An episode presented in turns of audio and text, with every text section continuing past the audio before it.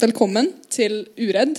Um, dette er det fjerde og siste arrangementet uh, vi skal ha i en uh, Det er et tros- og livssynsprosjekt rettet da særlig mot unge. Og så handler det om å skape dialog og forståelse uh, rundt religion og temaer, andre temaer innenfor religion. Ja, og Dagens arrangement handler om hvordan det er å være skeiv og religiøs. Eh, og I dag så har vi med oss uh, Trude Kristina Halvorsen, som skriver bloggen Skeivpresten. Uh, og Tiyesin Alubaide, som er leder av Salam, som er en organisasjon som fremmer et trygt og inkluderende miljø for eh, minoriteter som er skeive. Bare en liten rettelse. -huh. Eh, vi er så heldige å ha fått ny ledelse i Salam. Nå, nå ledes organisasjonen av to kvinner. Ja, okay. med, altså skeive kvinner med muslimsk bakgrunn. Så er jeg blitt nedgradert. Du er tidligere ja, leder. Til, til assisterende, assisterende generalsekretær. Um, ja, og så På slutten uh, så vil vi åpne opp fra spørsmål fra publikum. Så hvis, dere, hvis det er noe dere lurer på, så er det bare å vente til vi er ferdig. Så dere kan jo begynne med å fortelle litt Nå har dere begynt allerede, men kan fortelle litt mer om dere selv. Eh, heter Trude, er fra Bergen. Jeg bor i Oslo og studerer teologi. Har ca. tre og et halvt år igjen av et seks år langt studie. Jeg har vært mye frivillig i, i menigheter eh, her i Bergen, før jeg da valgte å studere teologi. Ja, 29 år, har hund, bor i kollektiv. Så heter jeg Diazen Al-Obeide. Eh, hvor jeg kommer ifra Det er et vanskelig spørsmål. Jeg er eh, sørlending iraker, vokst opp i Hellas. Eh, barnehagelærer. Eh, jeg jobber også som barnehagelærer. Assisterende, eh, assisterende generalsekretær i Selam. Så driver jeg og lager dokumentarfilmer på fritiden. Eh, ja, så uh, bare sånn helt i begynnelsen Hvorfor har egentlig dere valgt å holde på troen deres uh, når andre i deres situasjon kanskje ville synes det var unaturlig? Den kan du fortelle. Eh, hvorfor vi har valgt Jeg tenker at religion er også en eh, viktig del av mine identiteter. Man er aldri én ting. Man er aldri skeiv eller muslim. Man er flere forskjellige identiteter. Og så har jeg vokst opp eh, rundt muslimer, rundt det å tro. Og, og så det har dannet en identitet hos meg.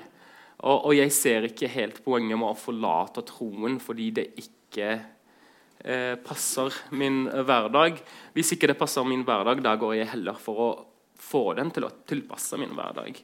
Eh, jeg trenger ikke nødvendigvis å følge alt og punkt og prikke. Jeg kan reflektere selv. Jeg kan ta tak i Bibelen eller Koranen eller Toraten og åpne de bøkene og lese det som står om det å være skeiv. Og reflektere selv. Hvordan tolker jeg dette? Og ser man på, et, på skriftene med skeivt blikk, så forstår man det totalt annerledes enn la meg si, majoritetsreligiøse som er heterofile. Um, og Det har vært en viktig del. Når jeg kom til Norge for 18 år siden, så var det var litt ensomt å være eh, i et nytt land hvor man ikke kjenner til systemet, man ikke kjenner til kulturen. Så jeg fant en liten trost ved å være en del av det muslimske miljøet. Frem til jeg integrerte meg, fikk meg eh, norske venner, og så kom til det stadiet jeg står i i dag. Men ja, derfor. Ja. ehm, jeg begynte på en dramagruppe i kirken i syvende klasse. Og så gikk jeg over til TenSing, og så var TenSing leder. Og ja eh, Jeg fant troen min eh, før jeg fant ut at jeg var skeiv, på en måte. da. Eh, og når jeg fant ut at jeg var skeiv, eh, så var jeg litt redd for at det skulle bli problematisk, eh, og at jeg ikke skulle lenger få lov til å være ungdomsleder. Eh, men jeg tok det bare opp med eh, presten i den menigheten, og han sa at det var jo ingen problem. Jeg måtte jo bare få lov til å være den jeg er. Ja. Eh, så det tolket jeg som et veldig godt tegn. Og så har på en måte for meg da så følte jeg at da var det OK, da. Men jo mer jeg på en måte Jo eldre jeg ble, og eh, jeg begynte å prate om det, så merket jeg at det var på en måte en slags sånn, litt sånn tabubelagt, for det var jo ingen andre vennene mine i kirken som var skeive. Eh, og kristen samtidig. Det var liksom, Jeg hadde de skeive vennene, så hadde de kristne. Så det tok litt tid før jeg fant de som, de som var, kunne identifisere seg med begge deler, da, på en måte. Um, men det er liksom som det du sier, at uh, dette med identitet, og jeg følte at ja, hvorfor skulle det være et problem, egentlig? Um, så ja, hvis det måtte på en måte gitt, gitt slipp, hvis det går an å si, på en av de, så tror jeg ikke at jeg hadde hatt det så veldig bra med meg sjøl. Så Og det er Ja. det som er en liten utfordring i, i LHBTQ-miljøet. Eller slik jeg opplever det, i hvert fall. Majoriteten av eh, eh, LHBTQ-personer er enten hardcore sekulære eller hardcore uh, ateister. Og vi blir jeg vet ikke om du kjenner det igjen, men Vi blir ofte møtt med stigmatisering. med at Hvorfor skal dere tro på en bok som har undertrykt dere gjennom alle år? Men tingen er at det er ikke slik vi forstår det. Vi forstår ikke det på denne måten. Vi har, vi har et annet syn på det, og vi kan fint være begge deler. Jeg har ikke problemer med å være både muslim og skeiv. Problemene og utfordringene dukker opp når andre begynner å blande seg i hva, og, eh, hva jeg skal tro på, og hvordan jeg skal tolke.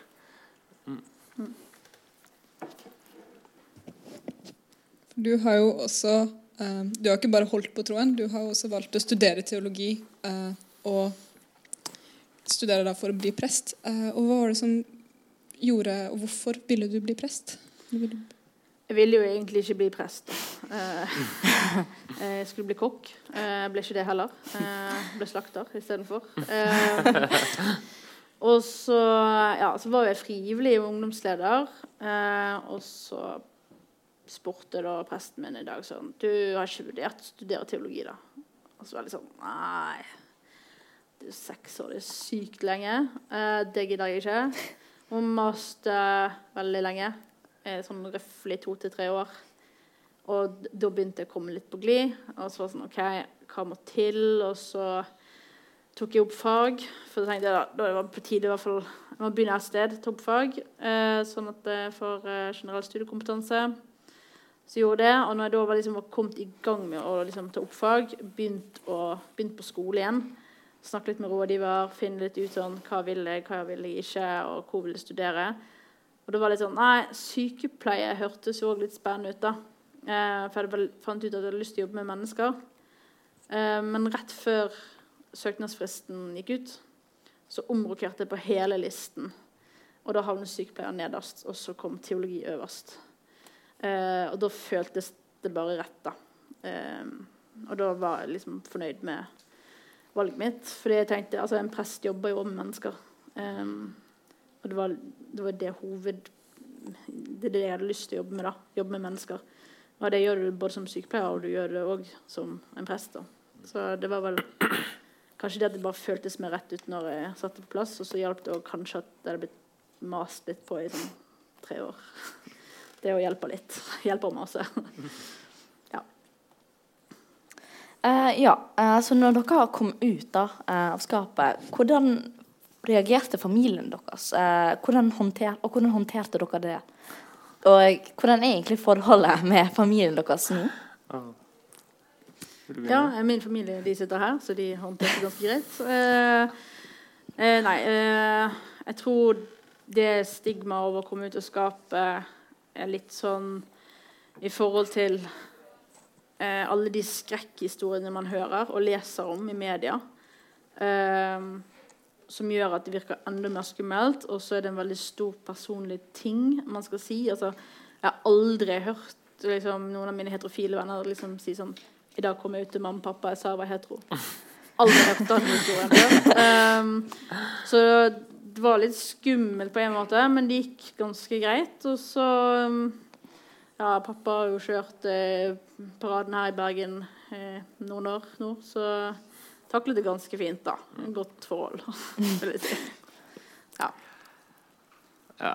eh, for min familie var det litt annerledes. Eh, det kom som et lite sjokk på dem, eh, og de forsto det ikke til å begynne med. fordi eh, Eller slik min mor pleide å si det, men du har alltid hatt med deg jenter hjem. Du var alltid jenteglad. Hun skjønte ikke forskjellen mellom å være venn med en jente og være en kjæreste.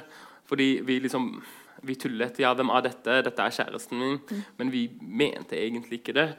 Og så Jeg hadde det tøft med meg selv. Uh, og så jeg, jeg, klarte ikke å akseptere at jeg er skeiv.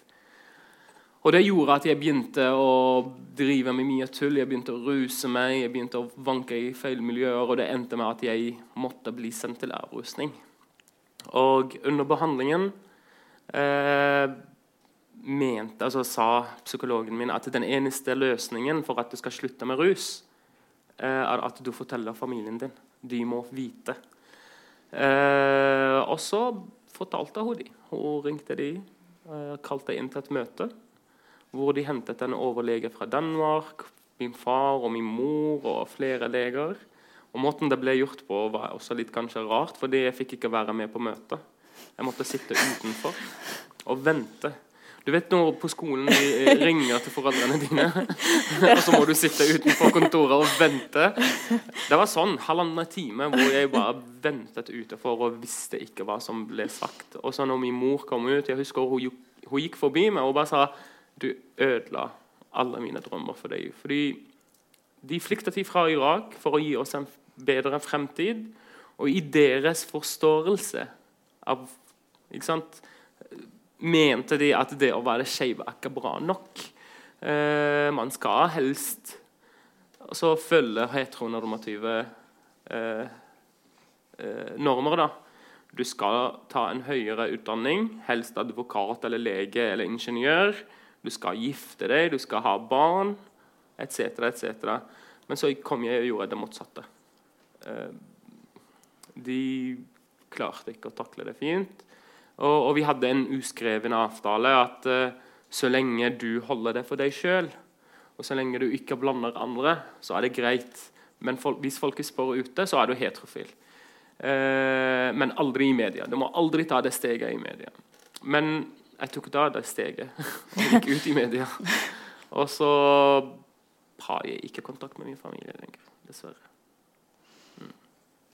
Føler jeg har litt kontakt med min storebror, mm. og det er fordi jeg må. Altså, jeg tvinger han til å ha kontakt med meg. Ja. Fordi han trenger meg i sitt liv. Han kan litt mindre norsk, og så har han to døtre eh, som også trenger litt hjelp på skolen etc. Han er skilt, så ja, jeg tvinger han til å ha kontakt med meg. Men føler du kanskje at din, eller, liksom, eller din situasjon er litt annerledes enn kanskje Trude sin, fordi du er muslim, og du på en måte kommer fra et annet land som mm. er veldig muslimsk? Mm. Altså, alle opplevelser av det å være skeiv er varierende. Det fins nesten ingen som har samme opplevelse eh, som noen andre. Jeg som er sørlending. Eh, hos oss fins det også eh, kristne mm. grupperinger som Smiths venner, pinsevenner, Jehovas vitner. Og de, når de kommer ut av skapet, så blir de også Eh, utsatt for mye stigmatisering. Jeg føler ikke at det er stor forskjell mellom muslimer og, og kristne eller jøder. Um, muslimer er også et folk. Det er noe galt med vår forståelse av, av seksuelle legninger. Mm. Så nei, jeg, nei, jeg føler ikke at det er noe spesielt. Men det er, det er folk og hvordan de ser altså vårt syn på det å være skeiv.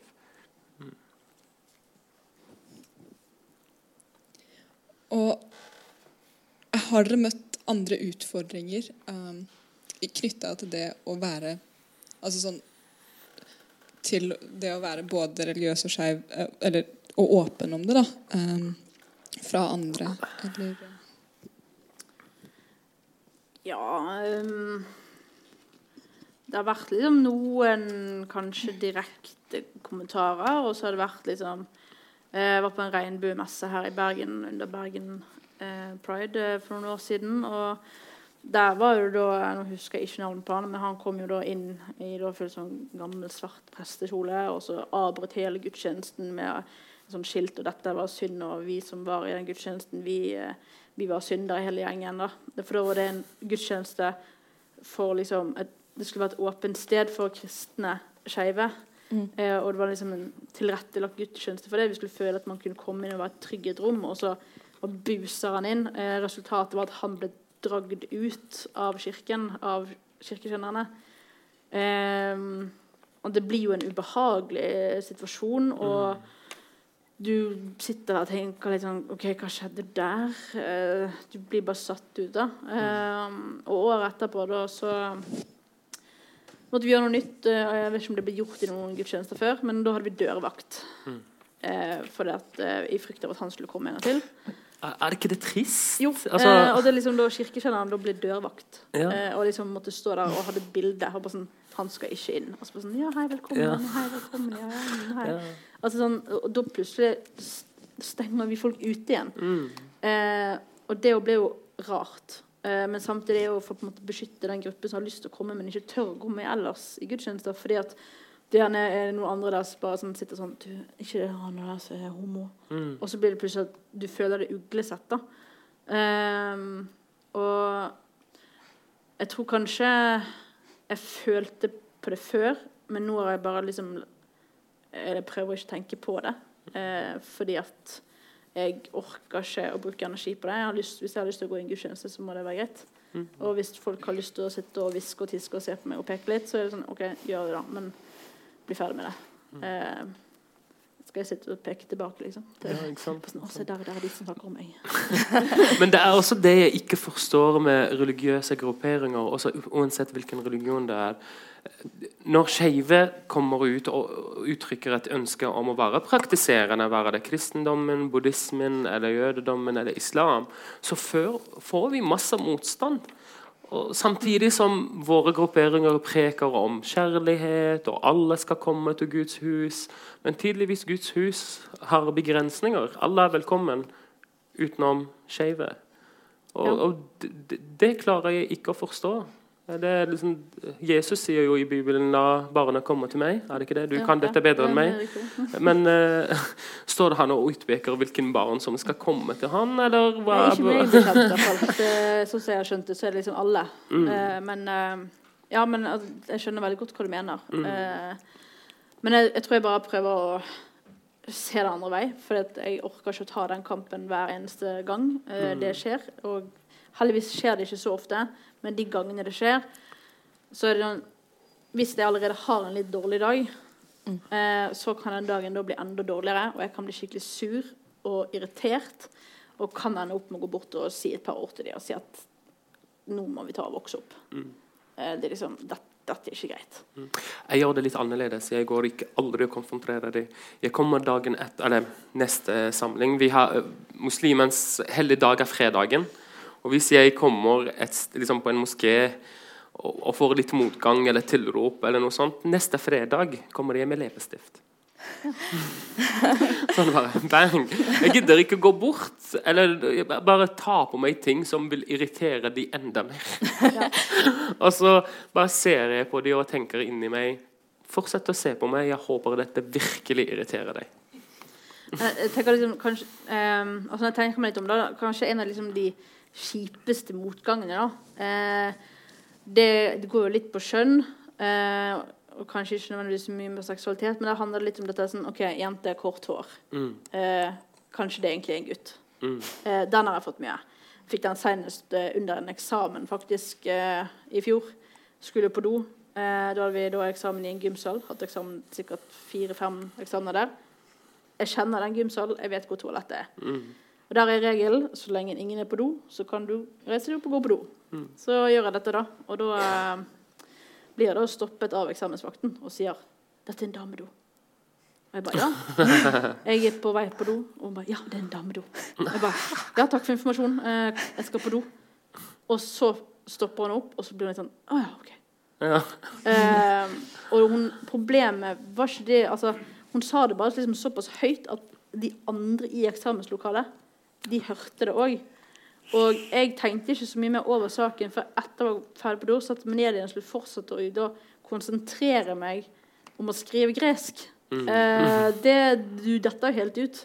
Så da bare jeg leverte eksamen. Eh, jeg var ikke ferdig engang. Og så jeg bare gikk rett på eksamenskontoret og så sa jeg bare at neste gang jeg tar den eksamen, for jeg må gå konte, dette går ikke, så skal ikke den personen være i det rommet.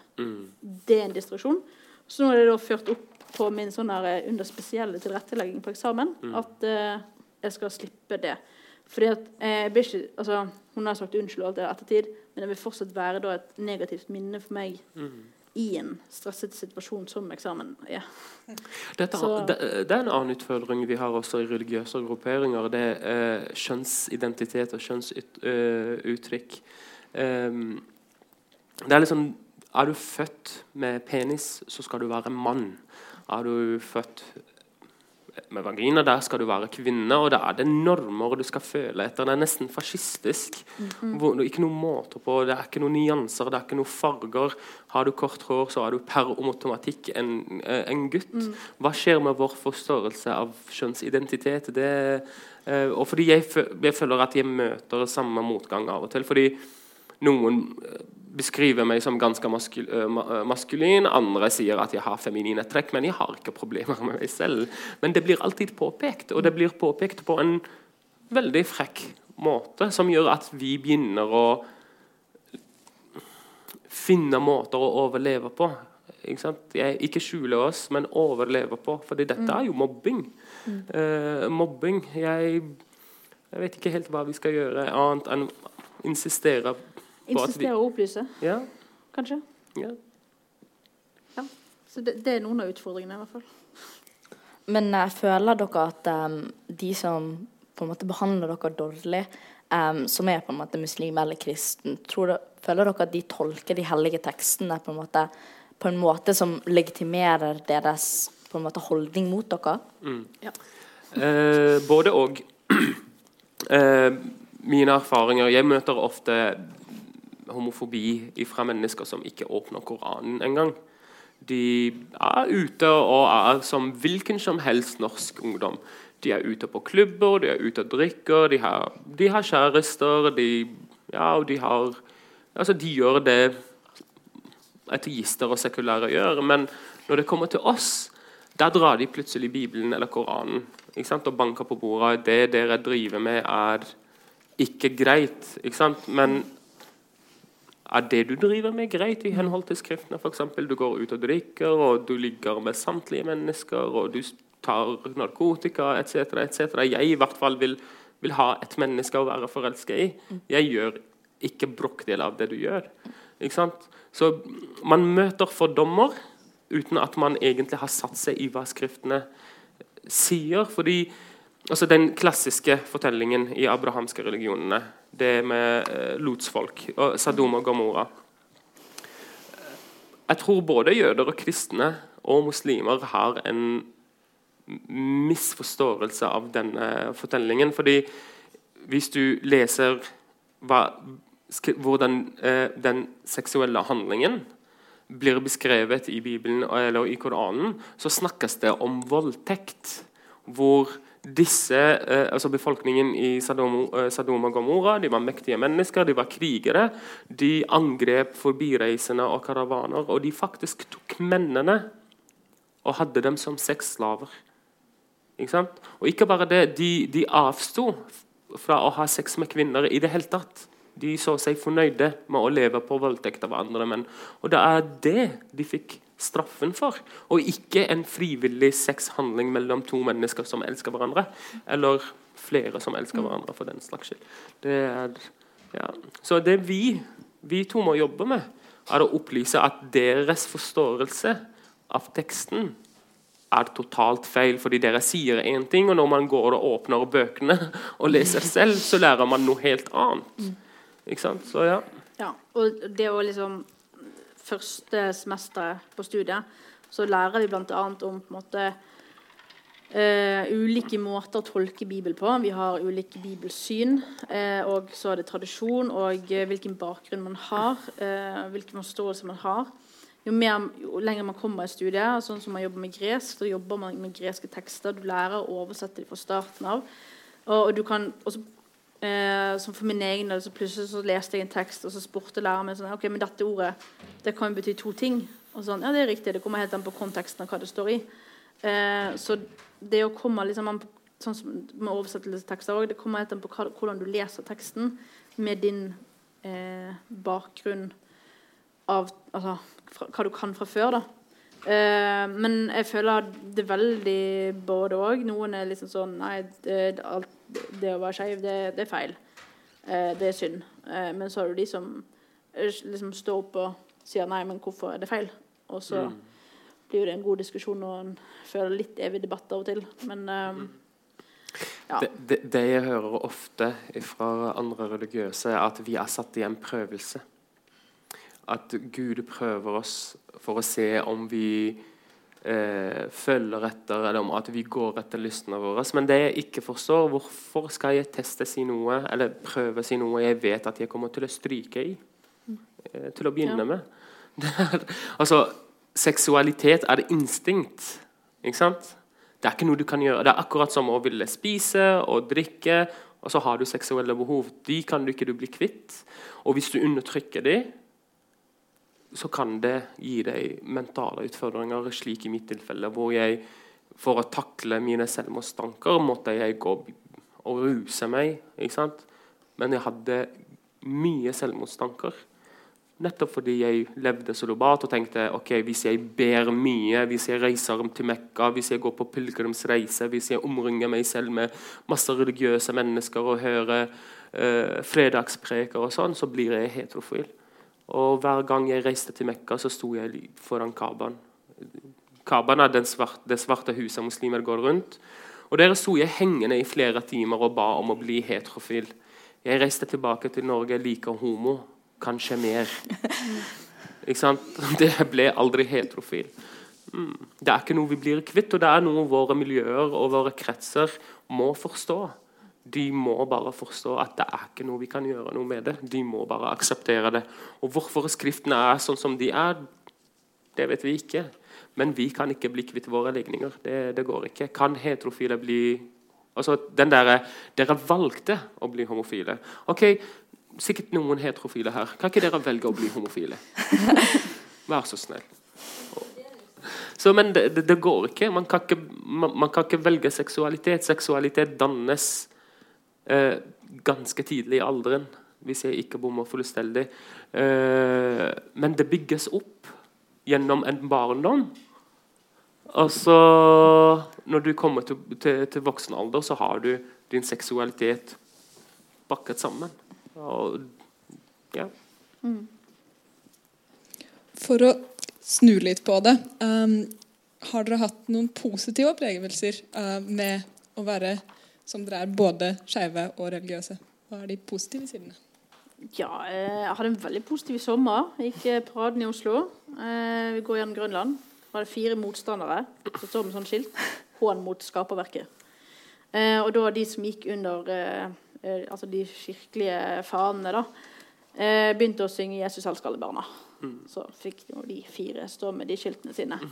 Men da kjente liksom sånn skikkelig samhold med de jeg gikk med, og, og de organisasjonene som jeg måte har vært innom de aller fleste. Og, og da kjente jeg liksom at jeg ble skikkelig glad, og jeg følte at liksom sånn, ok, jeg er velkommen i, under den fanen jeg går i. da.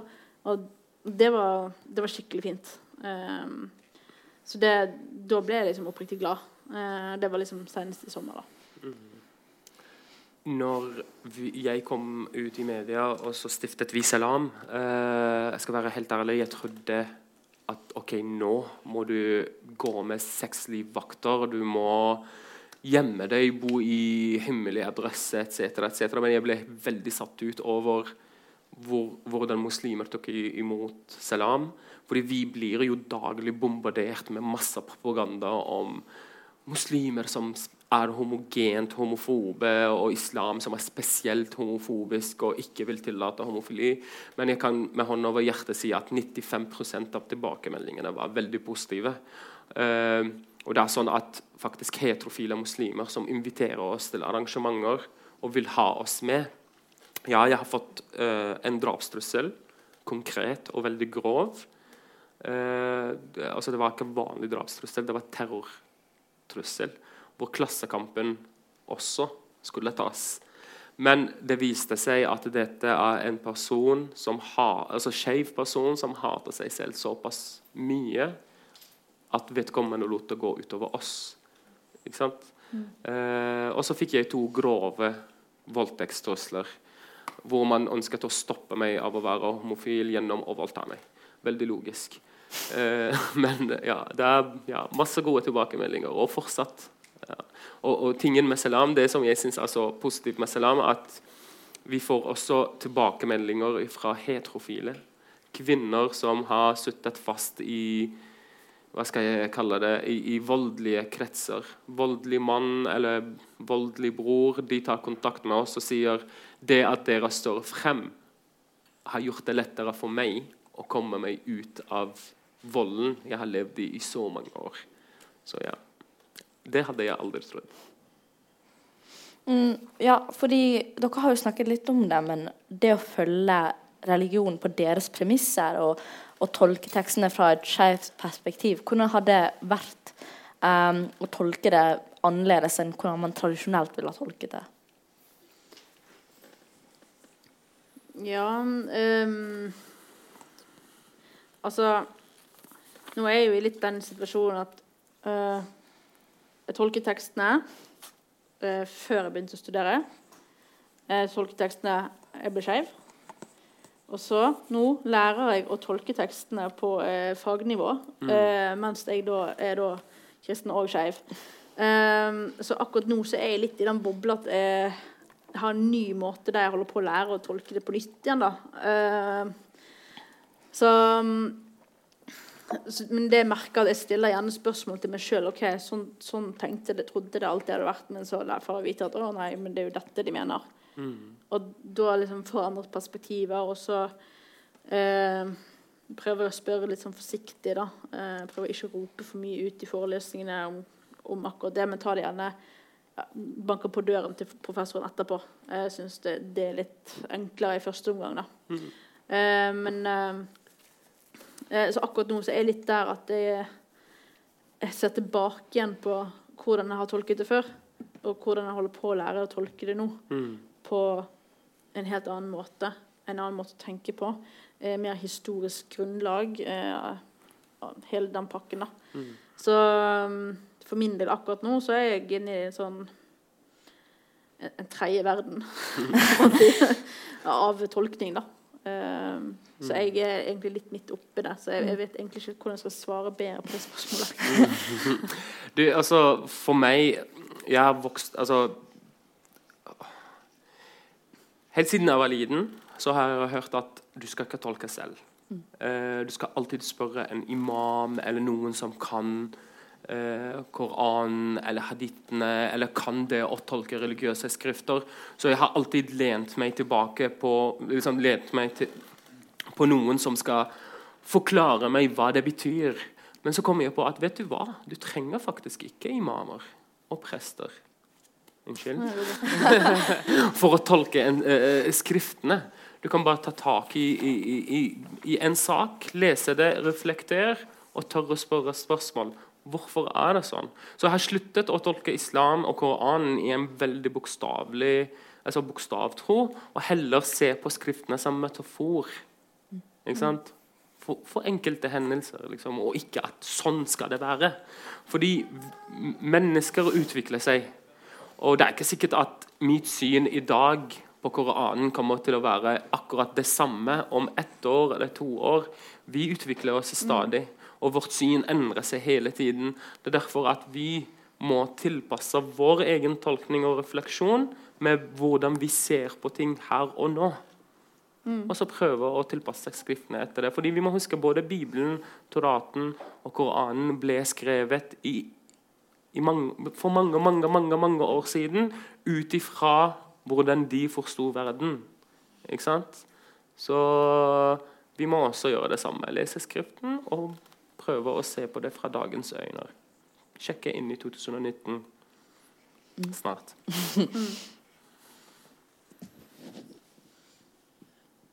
Nå har vi snakket mye om uh, deres opplevelse av å være religiøs og skeiv. Hva tror dere de som er skeive, men ikke religiøse, taper på å ikke ha den religionen? Du, de eh, Så én ting å stå frem som troende og skeiv person. Jeg føler at liksom, hvis, du sier, hvis, du står frem og sier 'jeg er skeiv og jeg er muslim', det er litt enklere å bli akseptert som en del av flokken enn f.eks. stå frem som homofil og eksmuslim eller ikke-troende eller frafallende eller ateist. De får enda mer stigmatisering i, i, i religiøse kretser. Mange blir kalt for svikere. 'Du har forlatt oss', og ja, du, vil, liksom, du, er en trussel mot uh, kulturen vår eller, uh, eller, religionen vår, og så blir de utstått, og så der står de helt alene. Uten, uten kretsen sin, uten flokken sin. Og det, det, skader mennesker. Både fysisk og mentalt. Og fordi Hvis ikke du har en gruppe å tilhøre, vil du føle deg ensom. Selv om det er tusenvis av mennesker rundt deg du må ha noen som ligner på deg, tenker som deg, som forstår deg. Selv om at de er religiøse, så er det ikke det bare religionen som knytter mennesker. Det er mye mer. Men dessverre, folk som velger religionen bort, blir også stigmatisert på akkurat samme måte som vi blir stigmatisert i LHBTQ-miljøet. Fordi vi blir sett liksom Å nei, vi forstår ikke hvorfor dere vil tro. Så ja, jeg, jeg, vil si at eh, folk som velger religionen vekk har mye mer å tape. Vi blir liksom på en måte liksom tatt under vingene ja. på en eller annen måte, men det gjør ikke de. Ja, og så kjenner jeg også litt til de som eh, måtte, har prøvd, eh, men føler seg gjerne utstøtt. Eh, blir mye uglesett og får mye kommentarer og mm. litt sånne ting, og da velger å liksom eh, gå ut av, eh, ut av menigheten, ut av, melde seg ut og ikke er kristen lenger. Og hvis jeg da spør de sånn jeg kan spørre sånn, ja, eller Først får jeg gjerne spørsmål der, for siden de vet at jeg er, at jeg er kristen, så, kan, så spør de sånn Ja, for du er kristen. Bare sånn, nei, ja, Så spør jeg gjerne er du kristen. Nei, nei, nei. nei, nei. Jeg er artist. Jeg er artist. Nei, det var ikke plass til meg. Jeg bare, ok, Så da gikk du fra å være troende til liksom fullstendig ateist? da? Bare, ja. Eh, selv om man kan på en måte se at det, det er også det frykt når de sier det. De sier det med frykt. Mm. Eh, altså, de, du hører Det er ikke stolthet av at de sier at de er ateist, men det er mer det at de, eh, de velger heller å si det enn å si at ja, kanskje litt kristen ennå, men det er vanskelig å tro. Og heller ta opp samtalen og faktisk snakke om det og finne ut hvor, er det, hvor ligger problemet. Hadde det vært bedre hvis du hadde prøvd å kanskje finne en annen menighet eller en annen plass mm som du hadde følt mer tilhørighet til, da. Mm. Eh, I stedet for å ja, gå ut i frykt. Mm. Eh, som gjør at liksom, for når du har frykt, så blir du ofte gjerne sint og irritert. Mm. Og når da de debattene kommer opp, så går du bare rett i angrep. Mm. Eh, så ja. Jeg, jeg personlig syns det er trist at folk må velge mellom det ene eller det andre. fordi Hvis alle skeive skulle forlate sine identi religiøse identiteter, hvem skal ta jobben på seg i fremtiden? Mm. Uh, for meg å forlate islam er ikke et valg. Uh, fordi hvis jeg forlater islam uh, og alle andre skeive Jeg kjenner mange skeive med muslimsk bakgrunn som velger å forlate islam. Ok, greit, men hvem skal føre arbeidet videre? Hvem skal gjøre den jobben for de kommende generasjonene? Ingen. ikke sant? Fordi makt ikke sant? Det, er, det, det er en makt i, i, de religiøse miljøene. Og skal vi la gamle, voksne menn Fordi alle religioner er mannedominerte. Ikke sant? Eh, skal vi da la heterofile menn dominere religionen, eller skal vi prøve å endre det også? Reformere det. Og Der mener jeg at det er viktig at folk blir og prøver heller å, å endre det. Man vil må, møte masse motstand, og, og, ja, men noen må gjøre jobben. Eh, ja. For det er alltid noen som vil være begge deler. Ikke sant? Og vi må hjelpe dem underveis for at de skal være begge deler. Og Da er det viktig at noen stikker ut hodet, får juling, sånn at de andre bak kan stå frem og ha det bra i fremtiden. Så er det det dere tror på en måte kreves for at religiøse folk, um, fellesskap og menigheter skal bli mer åpne når det kommer til personer som er skeive og vil holde på troen sin? Jeg tenker at altså fra mitt perspektiv Organisasjoner som Salam må gå, inn, gå i dialog med de religiøse miljøene, særlig våre moskémiljøer, fordi de mangler informasjon de må også bli kjent med at med ny forskning, nye bevis på faktisk at det som, eller deres forståelse av det å være skeiv er totalt feil. Og så må vi også jobbe med oss sjøl. Eh, jeg liker det Hadia Tajik sa en gang. Gi ungdommen Koranen, så de kan selv lese og reflektere. Det er, det er en del av arbeidet. Vi må, vi er nødt til å dele informasjon. Vi kan ikke bare sitte og ha denne kompetansen, men ikke dele det. Ikke sant? Fordi da oppnår vi ikke en endring. Ja, og så tenker jeg at liksom, litt sånn som du sa, at uh, noen må jo måtte være de første som går ut døren og får litt juling. Eh, og sånn har det på en måte egentlig alltid vært. Eh, men ja, det hadde jo vært fint i dag å gå ut døren og, uten å få juling òg, da. Ja. altså at, at det blir på en måte mer og mer akseptert. Eh, og det, der tror vi på stor vei eh, med tanke på eh, Var det den der serien som het 'Født i feil kropp'. Mm. bare sånne dokumentarer det hjelper å sette litt mer lys på det. Komme litt med fakta. Man lærer mer om seksualitet. Man lærer mer om dette her med kjønnsbegreper. Mm. Og at det liksom Noen ganger så kan det faktisk bare Altså, du er født i feil kropp. Mm. Eh, og det er ingen sin feil. Eh, og, sånn er det bare. Og vi er den vi er. Mm. Og at det må på en måte bli en mer normal tankegang, da. Mm. Det, det, det, det, kommer til å bli, men det kommer til å ta litt tid. tid. Jeg, jeg, har virkelig et ønske, fordi jeg har mange venner som har Jehovas vitner og Smiths venner. Og de bryter med kirken og menigheten, og de vil ikke ha noe med det å gjøre. Jeg skulle ønske at de sa bare 'fuck it', vi danner vår egen kirke. Mm. Nå er det en homopinsemenighet. eller, eller en homo-Jehovas vitne-menighet. Eh, fordi Å forlate det fullstendig er det ikke svaret. Ikke For de ser på disse religiøse sektene.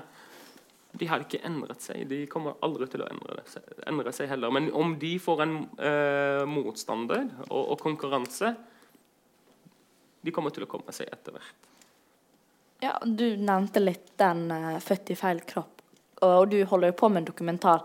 Um, hva tenker dere på en måte er påvirkningskraften med å ha skeive, unge religiøse folk på liksom, TV, i, på, i media? Um, hva tenker dere det vil gjøre for andre folk som er i den situasjonen? Ja, altså uh, Ta for eksempel Skam, da. Uh, altså Isak og Even. Yo. uh, det den sesongen var kjempesterk. Eh, det, det satt i kroppen til mange, tror jeg. Og Skam var jo òg egentlig liksom en serie som man tenkte da Nå når vi liksom 14-åringene, 15-åringene, 14-16-åringene. Men altså, det nådde jo alle. Mm. Eh, og det nådde et mye større publikum enn de sjøl trodde. Og eh, eh, den virkeligheten, altså det som skjer der med de to. Eh, altså Nå er det òg psykiske lidelser oppå der igjen. Mm. Eh, men eh, det at måte de finner ut hvem de er der, og det, de blir filmet på en sånn måte som at det er så gjenkjennelig for ja, alle, tror jeg. Eh, jeg tror sånne ting hjelper. Eh, og at eh, at liksom, den generasjonen som vokste, liksom, var 14 når den sesongen kom, eh, at de vokser opp med det. Eh, og det blir mer og mer normalt. Vi snakker mer om det. Og så, ja, eh, altså Den sesongen der, all creds til de som lagde Skam. Elsker den sesongen. Er min favoritt. Det, ja, eh, sånne ting hjelper, mm. tror jeg. Ja, helt enig. Eh, det å kunne ha eh, forbilder og, og, rollemodeller er veldig viktig.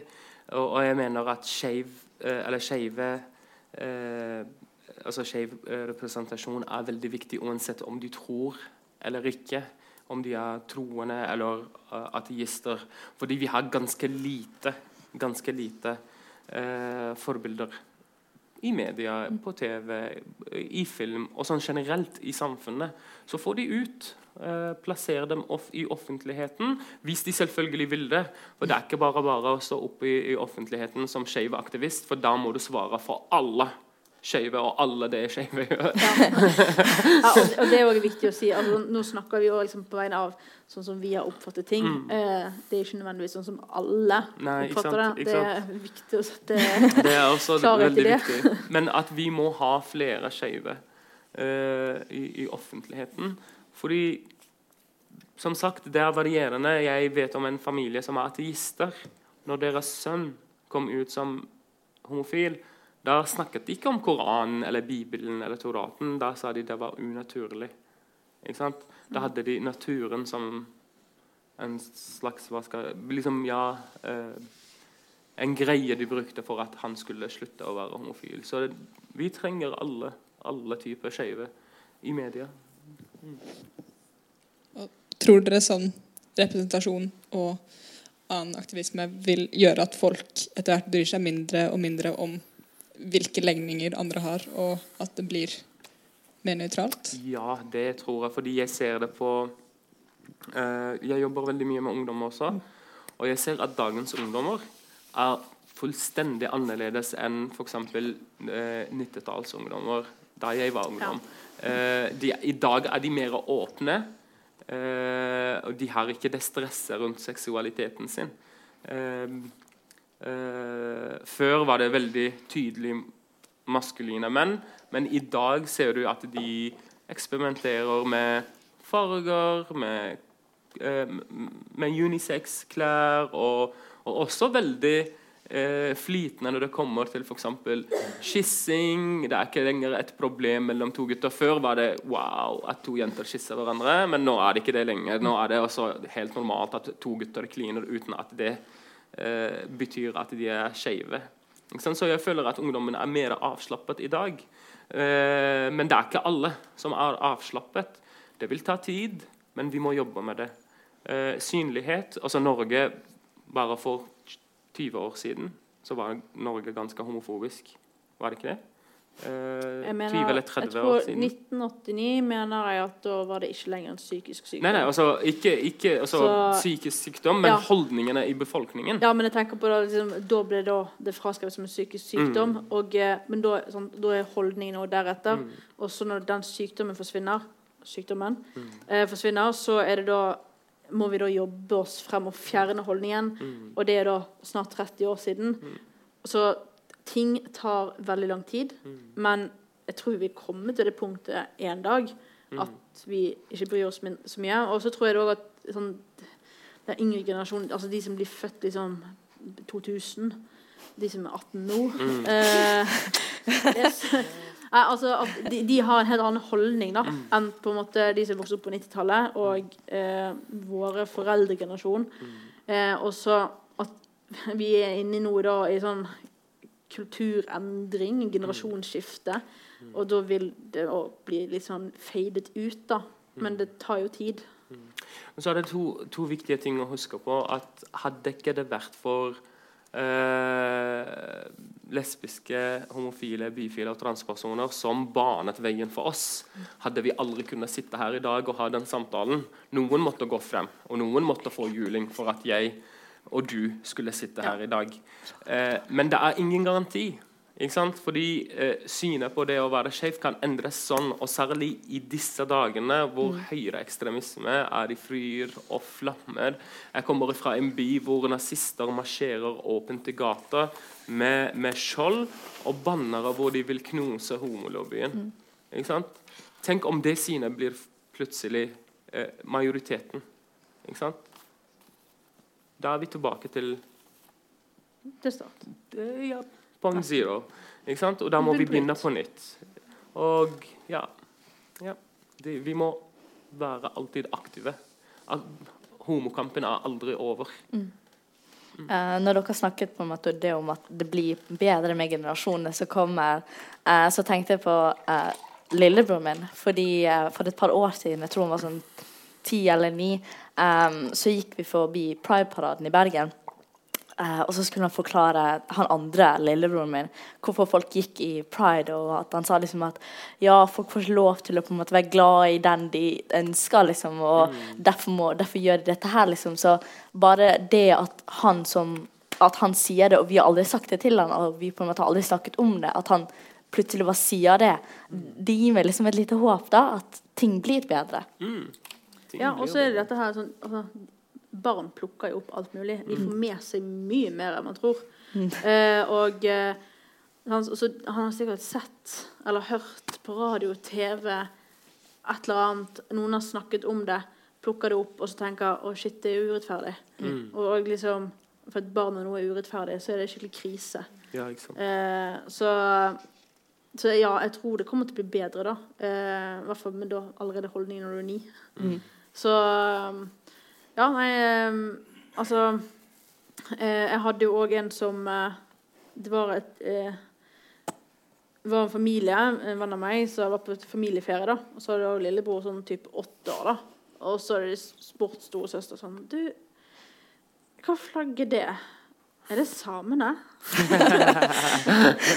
sånn, er alle de der inne samer? sånn, nei, uh, det er sånn homoflagg. Uh, og så var sånn å ja, har de eget flagg? Eh, hva, står det for? Og så ja, blir det en veldig sånn rar eh, samtale til slutt. Da. Men dette er jo sånn, kanskje 15 år siden nå. Mm. Eh, og de ante ikke hvordan de skulle formulere seg. Eh, mens nå på en måte skjønner jeg jo at flagget liksom, det, det pride, det stolthet, det frihet. Mm. Ja. Mm. Barn av regnbuen. ja, ikke sant. så ja. Eh, vi kommer framover. Mm har et siste spørsmål. Eh, har dere noen råd eh, til andre som ennå ikke har kommet ut, uh, og var i de situasjonene som dere var i før dere kom ut, religiøse og skeiv? Ja, altså det jeg gjorde da Før på en måte jeg skulle prøve å finne ut hvordan det skulle komme ut. Og jeg visste ikke hvem jeg skulle snakke med, så da tydde jeg til Google. Og da fant jeg da organisasjonen eh, LLH, som nå heter da FRI. Eh, og var litt rotete side på den tiden, men jeg eh, også prøvde å finne liksom, hvem kan jeg snakke med, og sånne ting, og fant egentlig ikke ut av det. da. Så jeg bare sendte mail til en mailadresse jeg fant, som viste seg å være da liksom øverste organisasjonssjefen. Eh, det var bare helt tilfeldig at jeg sendte den personen. Eh, fikk svar litt seint. Hun beklaget seg meget for det. Eh, for jeg var på ferie og litt sånn. Eh, men da fikk jeg liksom sånn eh, Jeg må tenke på hva jeg føler rundt temaet, og hvor mye vil jeg dele. Hva vil jeg si? Og så er det greit å tenke på hvordan vil du si det. Hvor, hvor skal du være? Skal du være et sted der du er trygg? Vil du være et sted der du kan gå mm. vekk? Eh, forsvinne? Mm. Um, og litt sånne ting, da. Uh, og så sendte jeg egentlig aldri noe svar på det jeg fikk. For det var så mye å sette meg inn i. Men uh, da fikk jeg faktisk en oppfølgingsmail halvannen måned etterpå der igjen. Der han lurte på hvordan det hadde gått. da. Mm. Uh, og, og det, altså det, finnes personer man kan snakke med. Eh, eh skole, eh, helsesøster, eh, helsestasjoner. du kan gå til fastlegen din og prate. altså, det er mange man kan prate med. Finn en du er trygg på å prate med. Mm. eller gjør som jeg, bare send en mail til en i organisasjonen FRI. Eh, det er mange der som sitter og eh, kan svare på ting. Eh, du har Sex og Samfunn. Det er, også, det er mange, mange, flere i dag, tror jeg. Og det er lettere, mer tilgjengelighet. som man kan finne noen å prate med hvis man er usikker da, på hvordan man skal gå frem, og hva er trygt, og hva er ikke trygt. Eller ja, hvordan mm. gjøre det tryggest for deg sjøl, da. Mm. For meg Altså, det å komme ut er kanskje ikke så viktig. Men å akseptere seg selv er det viktigst. Ikke sant? Fordi Definere åpen. Hva er åpen? Eh, er det når jeg selv vet at jeg er skeiv? Eller når jeg forteller min beste venn? Eller om hele samfunnet får vite det? Men ok, jeg er åpen, men jeg har, har jeg godtatt meg selv? Har jeg akseptert meg selv? Mange vil fortsatt slite mange år etter at de har stått frem i offentligheten. Så Det er derfor det er det viktigste er at man jobber med å få tak i nok informasjon og heve sin egen kompetanse om hvem man er. Og da kan man etter hvert vurdere er det verdt det. Skal jeg stå frem? Og så må man veie også konsekvensene. Mm. Eh, for det er varierende fra person til person. Noen har foreldre som bare Wow, hvorfor har ikke du fortalt oss dette? Mm. Eller Å, dette har jeg visst lenge. og på fest blir det plutselig. Mens andre står bare og venter. ikke sant? Og sender deg tilbake til, du, til ditt opprinnelsesland, kulturell omskolering etc. etc. Så må man må kjenne på det selv. Hvor går grensene mine? Men først jobbe med å akseptere seg selv. Ja, og så tenker jeg også litt eh, Du har dette med å akseptere deg sjøl, men sånn, så har du det som du sier sånn å, dette har jeg visst lenge. Mm. Og så blir det sånn Jeg hadde en kamerat med han sa det sånn Å, det har jeg visst lenge. Så bare, ble sånn, ok, men uh, Hvorfor har vi aldri hatt en samtale før, da? Hvorfor du aldri, liksom, hvorfor du aldri tør å spørre meg om det? Yeah. Og så blir han litt sånn usikker. bare Nei, det vet jeg ikke. uh, sånn, ok, Er det fordi det er unormalt å spørre om det?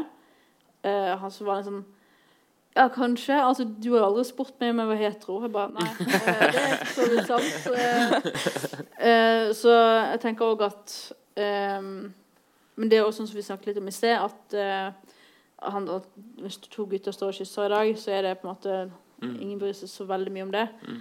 Og at kanskje, kanskje det snakkes litt mer om i vennegjengen i dag. Mm. At man kan ha litt sånn samtaler. Og der hvis noen tror det, da og så tenker jeg hvis det, det, er bare til å spørre, og så kan dere heller krangle bitte litt, og så blir dere venner igjen, og så har dere i hvert fall fått ut mm. Og så kan det òg være at det setter i gang en tankeprosess i deg sjøl, der du faktisk, hvis du tenker at du er det, men du tør ikke å si det, og du blir spurt, da vet du at du har i hvert fall en som aksepterer deg uansett. Mm. Og da har du plutselig en å snakke med. Mm. Så um, jeg tenker eh, de som sitter og tenker Ja, det har jeg visst lenge. Ja, spør, da. Mm. Eh, det går helt fint. Det, selvfølgelig det blir en litt klein samtale, men bare spør. Mm. mm. Det tenker jeg er det beste man kan gjøre. Ja, eh, takk for flotte svar. Eh, ja, så vi tenker å slutte av nå. Eh, og vi vil takke for dere som var gjestene våre. Takk tusen takk. Eh, tusen takk for alle som kom.